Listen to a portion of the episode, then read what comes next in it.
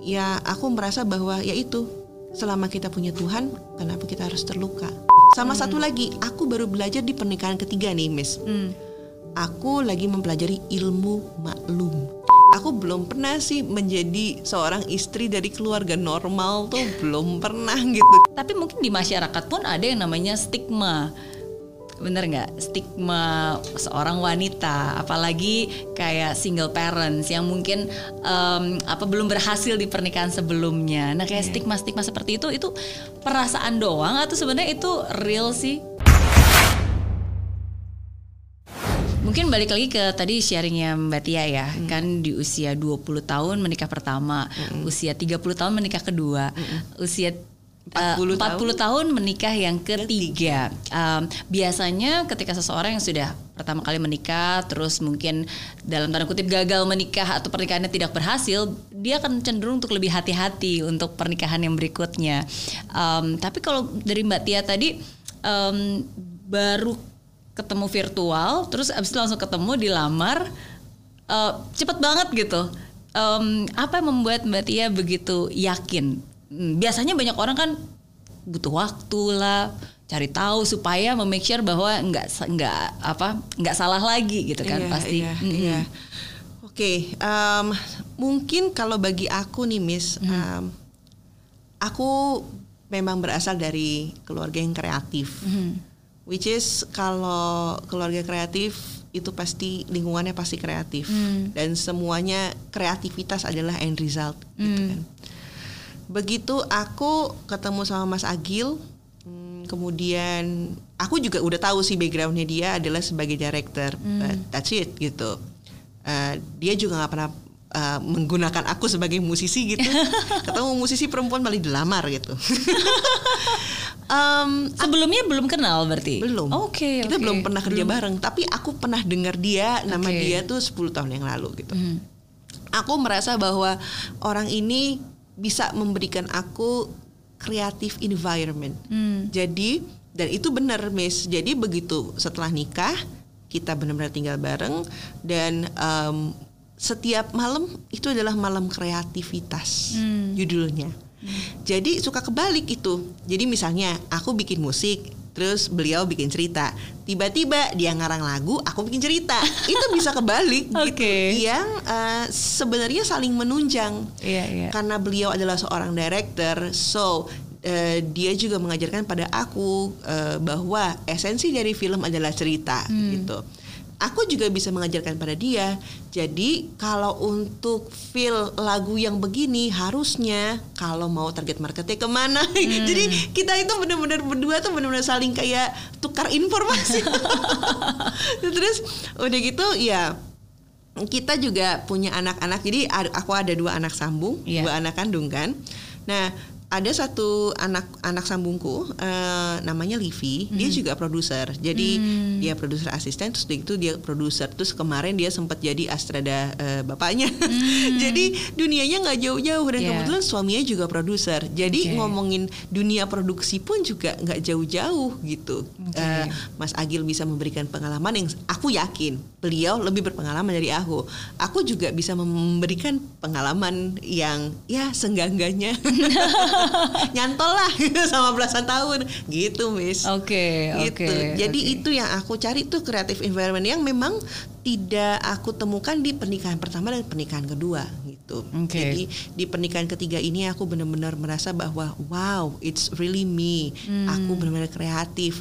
Aku benar-benar bisa mau ngapain juga ya alhamdulillah selama itu positif ya. Betul. Alhamdulillah bisa gitu. Oke. Ya kayak tahun depan ini juga ya gara-gara pernikahan ini juga sih aku jadi udah nambah rencana mau bikin tujuh buku. Wow. Terus ada 21 judul. Wow. itu desain covernya juga udah udah lagi on progress tuh semuanya. Oke. Dua udah jadi gitu. Oke Jadi, oke, that's good. Yeah. I'm so happy. Dengarnya aja aku jadi bersemangat gitu. Apalagi yang benar-benar menjalankan dan dan dan merasakan kan. Iya. Oke. Nah, em, tapi kadang-kadang ini kan semua bisa terjadi ketika Mbak Tia em, apa ya memutuskan untuk membuka hati. Betul. Bener nggak? Karena bagaimanapun juga wanita uh, semua kan keputusan keputusan kita kita mau menerima nggak kita mau memulai lagi nggak kita mau membuka hati nggak kita mau yeah. mencoba lagi nggak yeah. ya kan nah sedangkan kan ada banyak wanita yang mungkin dia belum siap atau mungkin masih ada luka lama atau mungkin masih ada hal-hal yang membuat mereka jadi takut gitu untuk memulai sesuatu yang baru lagi nah jadi kalau untuk mbak Tia um, apa uh, menurut mbak Tia kapan seseorang wanita itu siap untuk membuka hati Oke. Okay. Hmm, dan apa yang menjadi triggernya? Hmm. Oke. Okay. Uh, eh, mungkin bagi perempuan yang pernah mengalami kegagalan, uh, apa pun statusnya ya, aku cuman ingin share bahwa sebenarnya kalau kita menelaah dari segala sisi, kita pasti tidak akan pernah siap. Hmm. Karena apa?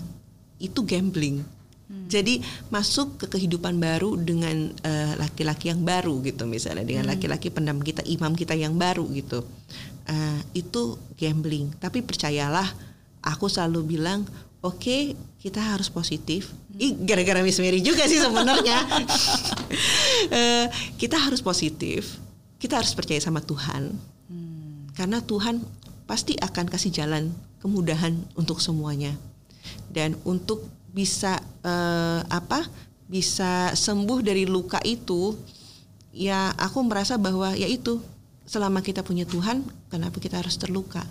Yang penting kita belajar apa sih penyebab dari luka itu? Hmm. gitu. Kita belajar kenapa sih luka itu harus ada? Apakah mungkin dari sisi dia hmm. atau memang kitanya yang memang masih belum bisa berpikir secara dewasa okay. gitu. Uh, misalnya uh, di umur 20-an, wah pasti berantem kan. Wah banyak berantem, pokoknya smackdown smackdownan. Terus tiba-tiba begitu pas masuk ke sini gitu di umur 30-an. Oke, okay, kemarin aku begitu. Ini ini baru mau kawin yang kedua nih. Iya. Kemarin aku begitu. Bentar, is it my fault? Hmm. Gitu. Jadi introspeksi.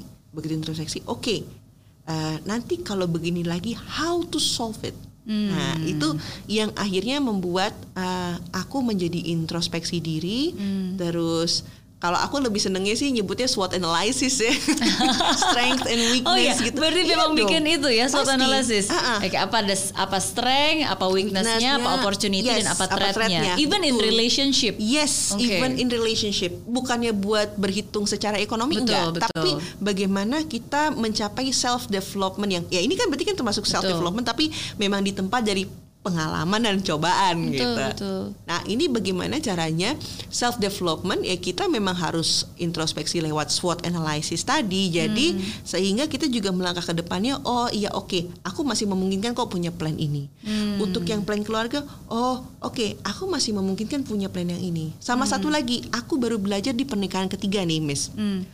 Aku lagi mempelajari ilmu maklum ilmu maklum. Maklum. Gimana tuh ilmu maklum? Misalnya gini. biasa misalnya uh, pasti suami istri uh. pasti karena karena kon, apa karena setiap hari ketemu 24 jam yeah. konflik of interest tinggi itu wajar yeah. ya nggak bis maklum eh, maklum maklum jadi yeah. uh, sayang ini kok nggak nggak diberesin kan ini kan jadi semalam gini gini gini ya wis maklum udah aku tinggal beresin aja. Oke okay, pak udah ya. Itu doang. Terus misalnya anak mah nggak bisa. Begini begini begini begini begini.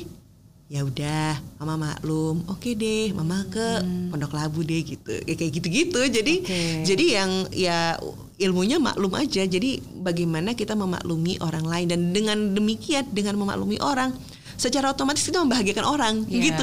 Itu yang aku ternyata baru baru sadar loh miss Ya, benar. Betul, betul. Dan dan betul banget sih. Maksudnya don't sweat over small matters kan. Ya. Jadi kadang-kadang yang bikin kita uh, stres itu bukan karena kesalahan, tapi kita perintilannya gitu. Kita membesar-besarkan masalahnya. Sometimes ketika kita uh, memaklumi orang lain, karena kita juga pernah dimaklumi oleh orang lain, betul. ya kan kita memiliki empati untuk bisa lebih menghargai dan ya kita juga pernah berbuat salah kok. Kita juga nggak sempurna. Jadi ya maklumlah kalau dia mungkin nggak sengaja melakukan hal tersebut gitu ya. Betul, betul Miss, itu betul banget. Maklum. Sama ya itulah yang Miss Mary selalu ajarkan lah ke aku berpikir positif. It, jadi beberapa beneran deh Miss berpikir positif. Terus udah gitu uh, ya kalau untuk kegagalan tuh ya iya kita harus bagaimana untuk yeah. achieve gitu. Eh pokoknya yeah. jadi Miss Mary. Gila aku jadi Miss Mary banget deh. thank you, thank you. No, we are still learning. Tapi emang betul sih karena apa yang kita pikirkan, apa yang kita ucapkan betul. itu that's very real. Itu itu bisa dari kata bisa jadi nyata. Jadi hati-hati dengan setiap kata yang kita ucapkan. Watch your thought. Watch your thought, betul, yeah. betul, betul. Dan aku aku setuju banget kalau tadi Mbak Tia bilang bahwa uh, sometimes kita harus menuliskan bahkan membuat SWOT ya kan, menuliskan karena betul. dengan kita menuliskan itu kita jadi lebih jernih. Karena sering kali manusia gitu bergantung dengan perasaan yeah. kadang-kadang kita rasanya kayak gini rasanya kayak gini gitu dan dan akhirnya kita berbuat sesuatu ya akhirnya kita menyesal gitu tapi dengan kita menulis mau nggak mau kita memaksa untuk merumuskan rasa itu menjadi sebuah logika menjadi sebuah tulisan betul, gitu jadi betul. yang tadinya takut tapi begitu ditulis eh ternyata nggak takut-takut amat kok gitu ya yang tadinya khawatir ternyata nggak khawatir iya. banget oh, kok ternyata nggak gini kok gitu terus ada juga misalnya nih kayak keinginan hmm. kita punya keinginan tapi Tuhan bilang nanti dulu hmm. gitu aku ada satu keinginan dan tiba-tiba pas dua hari sebelumnya aku mendapat kabar yang harus menunda keinginan ini hmm. gitu ya oh aku tahu nih maksudnya Tuhan dibalik ini apa hmm. berarti Tuhan bilang kamu belum siap di jadi nanti siapnya nanti kamu harus tunggu tahun depan hmm. gitu itu ada pernah ada kejadian gitu jadi okay. itu kan membuat menjadi oke okay, kita harus maklum dengan keputusan yeah. Tuhan nah itu dia tuh itu menjadi begitu Lagi, akhirnya. ilmu maklum iya itu jadi hashtag sekarang ilmu penting apalagi di masa-masa covid eh, masa Pasti. pandemi saat ini kan di mana mungkin ada banyak hal yang kita merasa terbatasi ada banyak hal yang mungkin tidak sesuai dengan ekspektasi tapi ya again harus maklum harus maklum yeah. oke okay. nah um, aku pengen nanya nih tadi aku setuju banget kalau mbak Tia bilang bahwa um, sometimes sebagai wanita kita harus introspeksi ya. Betul. Uh, bukan wanita sih, semua manusia juga pasti harus introspeksi dan Betul. sering kali kadang-kadang kita nggak mau maju karena mungkin kita sendiri yang belum sembuh dari luka itu. Uh, kita sendiri masih suka ngorek-ngorek luka itu sendiri. Iya, ya kan? betul betul betul. Benar. betul. Kalau um, tapi tapi mungkin di masyarakat pun ada yang namanya stigma. Bener nggak? Stigma seorang wanita apalagi kayak single parents yang mungkin um, apa belum berhasil di pernikahan sebelumnya. Nah kayak yeah. stigma stigma seperti itu itu perasaan doang atau sebenarnya itu real sih? Maksudnya contohnya nih kayak kayak um, Mbak Tia pernah bilang bahkan kadang-kadang untuk single parent aja ada yang pokoknya saya nggak mau dibilang janda. Kalau dibilang janda itu tersinggung. Yeah. maunya dibilang single parent. Itu kan um, uh, sesuatu yang aku aku nggak tahu. Apakah itu sesuatu yang wajar?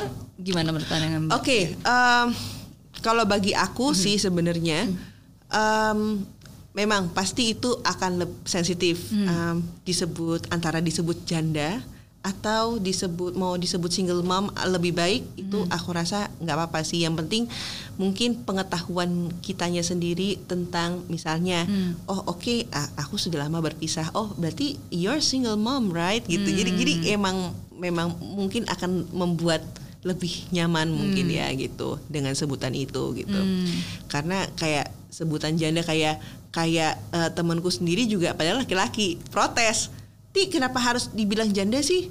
Kan single mom dong. Kan udah oke okay deh.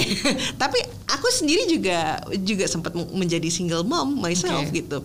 Tapi buat aku sebutan sebagai janda atau single mom buat aku pribadi hmm. doesn't matter. Karena apa? Karena aku selalu berprinsip Oke, okay, mungkin hari ini aku menjadi single mom atau janda atau apa yang mereka sebutkan, aku sendirian lah gitu hmm. gitu intinya tapi hidup berjalan maju. Hmm. Hidup tuh nggak pernah berjalan mundur. Hmm. Jadi untuk eh, untuk berpikir secara emosional gitu tentang hmm. apa yang terjadi yang kita nggak bisa uh, keluar dari emosi itu, hmm. itu untuk apa? Hmm. Kita mendingan jalan berjalan maju. Kita punya anak, anak kita itu masa depan kita. Kenapa kita nggak uh, develop anak kita dan kemudian ya mungkin God's will ya gitu. Hmm. Mungkin Allah akan akan kasih jodoh yang lebih baik gitu. Yeah. Kan kita nggak pernah tahu. Lahir uh, jodoh Rizky sama meninggal ya hmm. itu itu kan udah rahasia Tuhan yang kita nggak pernah tahu kapan hmm. terjadinya. Hmm. Kita cuma bisa ya udah jalan terus, jalan terus, jalan terus. Nah bagi yang mereka yang terperangkap, aku juga tidak tahu mungkin dengan alasan apa pun ya.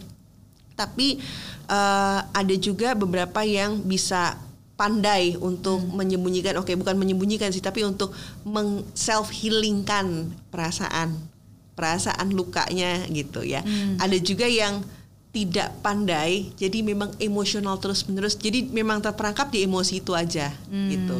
Itu yang aku pelajari. Uh, pun ketika juga aku juga uh, waktu itu virtual book signing panggil aku mama cetakan kedua hmm. itu banyak banget yang curhat sama aku mesti kayak yang yeah. Ya. uh, sesuai dengan perjalanan hidupnya masing-masing which is ada yang ada yang masih menikah tapi dia tahu uh, suaminya uh, mungkin having affair hmm. gitu dan segala macamnya gitu dan how to handle it gitu uh, aku juga belajar jadinya hmm. oh ternyata ada ya part of life yang seperti ini hmm. gitu. Terus di gitu ada juga yang uh, iya mbak aku tuh single parents loh sebenarnya. Oh oke okay. ada juga yang begini. Terus hmm. udah gitu ada juga yang bilang ternyata kekuatan anak itu segala-galanya. Aku hmm. tuh kalau dikasih surat tuh bener-bener ya aku nangis sih tapi itu menjadi penguatku karena hmm. penguatku adalah anak-anakku gitu itu ada juga yang begitu okay. so I learn a lot juga dari perjalanan teman-teman selain perjalanan aku sendiri. Yeah. Mungkin kalau aku uh, karena aku emang badak kali ya. Jadi ya udah cek aja gue pikir kayak gitu kalau aku tuh begitu. Cuman oh ternyata ada beberapa perasaan-perasaan yang seperti itu ya betul, gitu. Betul. Karena setiap orang itu hidupnya berbeda kan. Pasti. Cannot, kita nggak bisa uh, bilang bahwa oh ya I know how it feels in your shoes. Kita nggak bisa berada di di sepatu kita tidak kakinya bisa mereka kan. Mengeneralisasi. Karena yang jalanin mereka ukuran sepatunya beda-beda yang yang dilalui juga berbeda berbeda jadi betul. pasti pasti berbeda semuanya betul betul miss. Betul iya iya. Tapi kalau dari mbak Tia sendiri biasanya apa sih ketakutan terbesar uh, sebelum memutuskan menikah lagi? Dan bagaimana cara mengatasi ketakutan itu? Oke. Okay. hmm. uh, sebenarnya ya uh, memutuskan untuk melangkah ke lembaran baru lagi itu gambling. Hmm. itu yang seperti aku bilang tadi ya. Uh, masih ada harapan bahwa ketika aku menikah nanti, aku juga berada di lingkungan keluarga yang normal. Hmm. Maksudnya keluarga yang normal tuh, ya aku punya imam, anak-anak itu punya bapak, hmm. walaupun bapaknya memang ketemu istilahnya di tengah jalan. Hmm. maksudnya di tengah jalan tuh maksudnya di tengah perjalanan hidup gitu Betul. yang jelas. Um, tapi itu tidak mudah ternyata, Miss. Hmm. Tidak mudah sampai saat ini anak-anakku juga uh, apa namanya tinggal di rumah yang berbeda dengan aku. Ya hmm. untungnya sih masih studio-studio juga, jadi tiap hari juga masih bisa melipir hmm. gitu kan.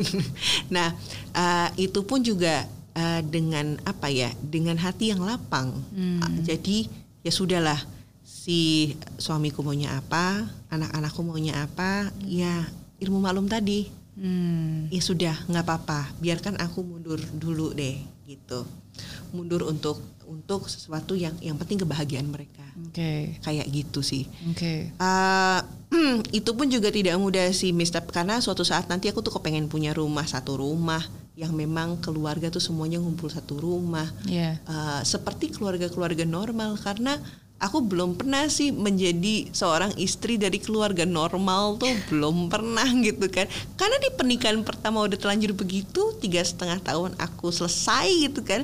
Dan uh, ya cukup mudah sih di usia 25 tahun aku menjadi single mom tuh. Mudah banget kan miss?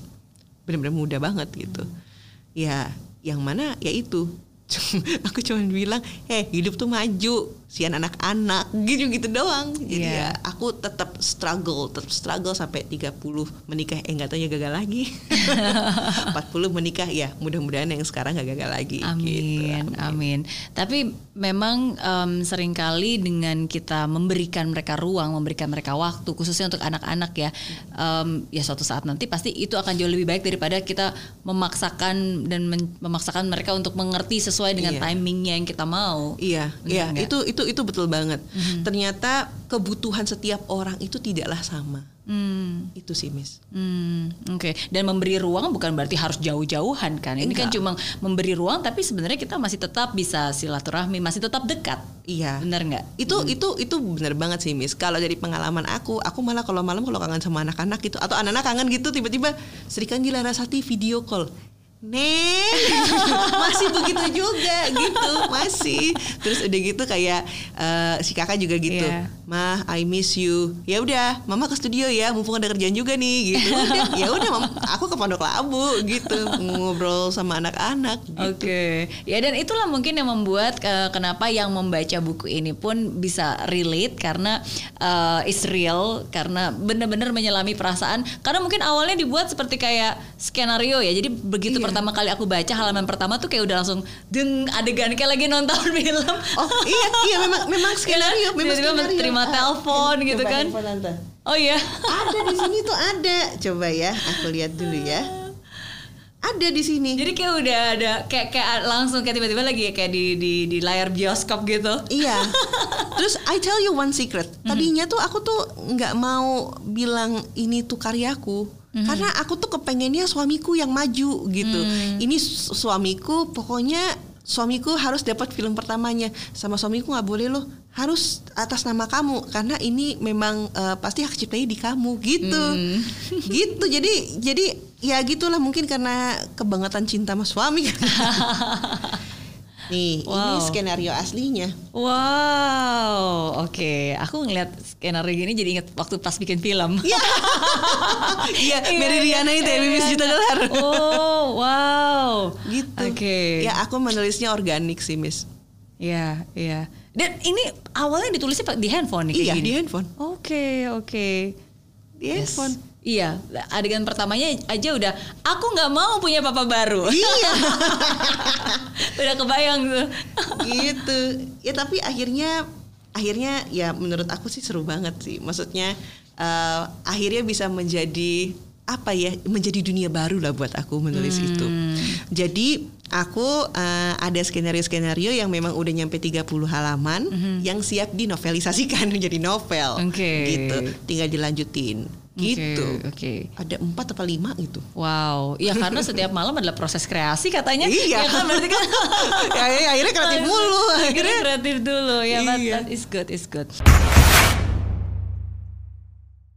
Em, kalau saat-saat galau, sedih, saat-saat titik terendah dalam hidup Mbak Tia, hmm, bagaimana harus merelakan menjual piano kesayangan? Oh iya, mungkin karena pemikiran-pemikiran itu, terus aku juga lagi berusaha banget eh, bagaimana caranya supaya menjadi istiqomah.